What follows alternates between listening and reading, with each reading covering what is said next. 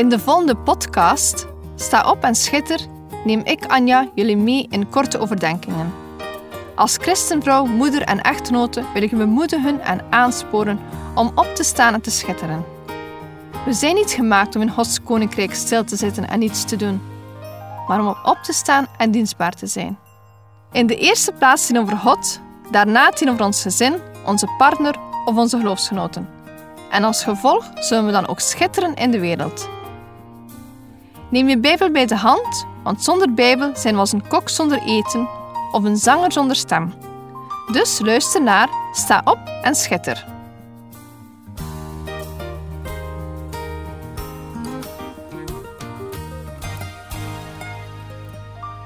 Dit is de eerste uitzending van Sta op en schitter. Toen ik bad voor een naam voor deze podcast, gaf God me de richting aan. Ik kreeg gedachten als: wees een licht, schitter, opstaan en schitteren. En uiteindelijk werd het sta op en schitter. Toen ik eenmaal de beslissing genomen had, kwamen de twijfels. Is het wel van God? Ik bad weer. En in diezelfde week las ik een artikel. Daarin schreef de schrijfster het volgende. Een mooie Bijbeltekst voor een vrouw vind ik. Sta op en schitter. Wanneer ben jij gaan opstaan? Toen ik dit las, werd ik bevestigd over de titel van deze podcast, maar ook werd ik geconfronteerd met de vraag: wanneer ben ik gaan opstaan? Als ik denk aan het woord opstaan, dan denk ik aan de ochtenden wanneer mijn wekker afloopt. Ik druk zo vaak op die snoesknop. Misschien wel herkenbaar? Ook in mijn christelijke leven drukte ik wel eens op die snoesknop. En stelde ik mijn wanden met God uit. Ook het maken van deze podcast stond een jaar lang op pauze. Steeds opnieuw wachten en uitstellen.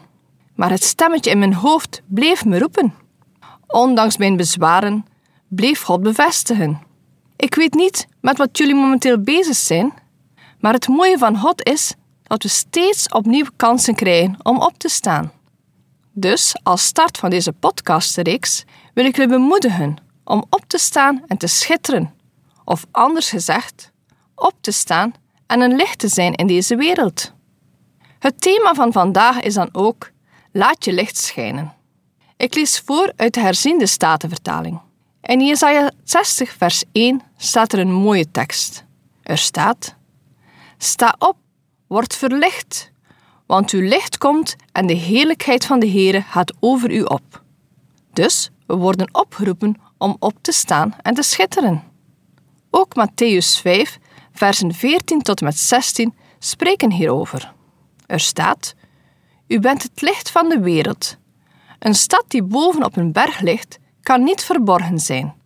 En ook steekt men geen lamp aan en zet die onder de korenmaat, maar op de standaard. En hij schijnt voor allen die in het huis zijn. Laat uw licht zo schijnen voor de mensen, dat zij uw goede werken zien en uw Vader die in de hemel is, verheerlijken. De tekst die ik las zegt zeer duidelijk: U bent het licht van de wereld. Is het niet prachtig om te lezen hoe God naar ons kijkt? We zijn een licht in deze wereld. Er staat niet dat we iets moeten doen om zichtbaar te zijn. God zal het doen. Jezus koos ervoor om ons op een tribune te plaatsen, om licht te geven aan de hele wereld. We zijn een stad op een heuvel, die je al van ver ziet schijnen in een donker landschap. We mogen schitteren op een kandelaar. Toen ik mij in 2003 liet dopen, kreeg ik een kaartje van een zuster met de tekst uit Matthäus 5, vers 16. Laat uw licht zo schijnen voor de mensen dat zij uw goede werken zien en uw Vader die in de hemel is verheerlijken. Een tekst die vaak terugkomt in mijn gedachten, ook nu bij het maken van deze podcast. Ik wil u vandaag uitdagen om een lichtpuntje te zijn en op die manier iets van Gods liefde te verspreiden. Dit begint heel klein. Je licht laten schijnen begint bij de mensen in je naaste omgeving. Of zoals de tekst het zegt, schijnt voor allen die in het huis zijn. Wat kan jij vandaag betekenen voor de mensen in je huis, in je naaste omgeving? Bid of God je vandaag wil helpen om in de voetsporen van Jezus te treden en een stralend licht te zijn voor de mensen om je heen. Zoals we lezen zijn er christenen die hun licht willen verbergen. Wat denk je? Vreemd? Wel, je kan christen zijn, alleen op zondag, en dit op je werk verzwijgen. We staan zelf voor de keuze hoeveel licht we gaan geven. We kunnen ons inderdaad verschuilen onder een korenmaat. Het gevaar van je verschuilen onder een korenmaat is dat jouw licht gaat uitoven. Wees dus waakzaam in je leven. God zorgde ervoor vanaf je bekering dat je licht kan geven, maar moet wel in zijn licht blijven staan. Het is daarom belangrijk om te wandelen met God. Het begint met kleine stappen.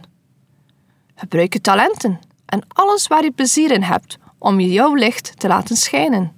Glimlach, ja glimlach, naar iedereen die je tegenkomt vandaag. Een glimlach van jou kan zoveel betekenen voor de ander. Het laat de ander weten dat je hem of haar gezien hebt. Durf. Ja, durf te luisteren naar het stemmetje in je hart, die vraagt om dat ene kaartje, dat telefoontje, dat sms'je of mailtje te zenden. Doe het gewoon, ook al is het eng. Ik heb in het verleden al gemiste kansen gehad om licht te geven door angst.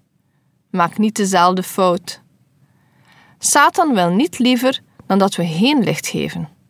Hij fluistert ons zo vaak dingen in, zoals angst of minderwaardigheid. Geef daar niet aan toe. We mogen licht geven door de kleine dingen te doen in onze eigen omgeving, door te luisteren naar zijn stem.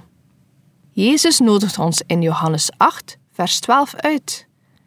Ik ben het licht van de wereld. Wie mij volgt, zal beslist niet in de duisternis wandelen, maar zal het licht van het leven hebben. Door het licht wordt alles weer helder in ons geestelijk leven. We hebben het licht van Jezus nodig als we zelf een licht willen zijn. We leven in een duistere wereld, vol van verleidingen en zonde. Zorg dat je jouw licht niet verliest door zonde toe te laten in je leven. Kijk eens naar jouw eigen leven. Misschien is het tijd om te stoppen, een moment te nemen en God te vragen om alle zonden te openbaren. Als er een zonde is waar je herhaaldelijk mee worstelt, schrijf die dan op en bid ervoor.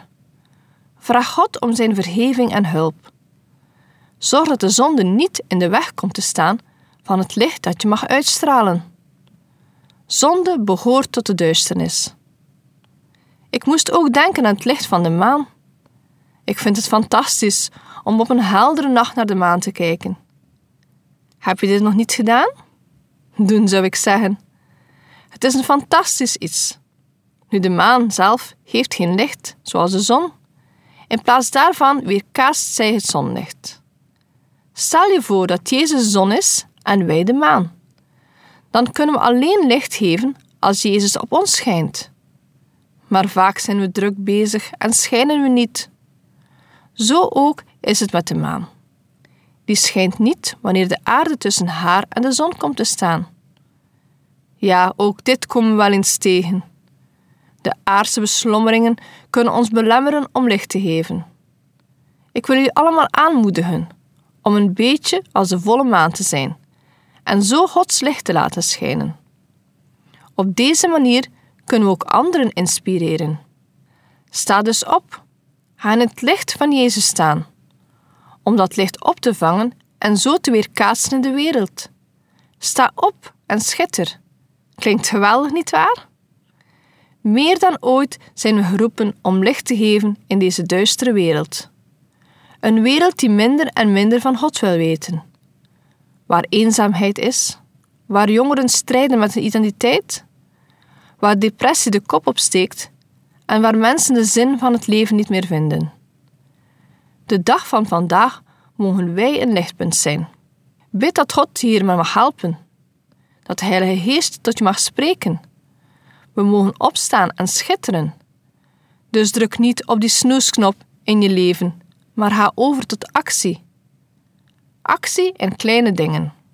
Boodschappen doen voor een oude dame of gewoon goedemorgen tegen een voorbijganger. Zorg dat je je licht niet verliest door zonde of aardse zaken. Hou je focus gericht op Jezus. Ga in zijn licht staan en dan zal hij zorgen dat zijn licht weer kaatst in de wereld. Ik hoorde onlangs in een Bijbelstudie een mooi verhaaltje die ik hier ook met jullie wil delen. Een vrouw liep eens over een markt en zag daar een heel klein meisje lopen met in haar hand een grote roze suikerspin. Het meisje was zo klein, waardoor je eigenlijk alleen de suikerspin zag. Een handje met twee beentjes eronder. De vrouw vroeg aan het meisje: Kun je zo'n enorme suikerspin opeten? Het meisje keek de vrouw aan, knikte en zei zonder enige aarzeling: Ja, dat kan ik, want ik ben van binnen veel groter dan van buiten. Is dit niet mooi gezegd? Ik ben van binnen veel groter dan van buiten. Soms denken we dat we iets niet kunnen omdat we ons niet bijzonder voelen, of uit schaamte, verlegenheid, angst. Ja, dat lijstje kan nog met veel dingen aangevuld worden. Maar we mogen weten dat Jezus niet wil dat we ons verstoppen. Nee, laat het schijnen voor de mensen, zodat zij jullie goede daden zien en zo eer bewijzen aan onze Vader in de hemel. Er zit in ieder van ons een geheim dat zo krachtig is dat het mensenlevens kan veranderen. Geloof in de kracht van God. Sta op en schitter deze week. Begin met kleine dingen. Deze podcast kun je steeds opnieuw beluisteren via de website en app van twr.be. Als je deze aflevering leuk vond en je wilt de podcast helpen ondersteunen, deel hem dan met anderen. Heb je gebed nodig of wil je reageren op deze uitzending? Zend dan gerust een mailtje naar anja.twr.be. Bedankt voor het luisteren.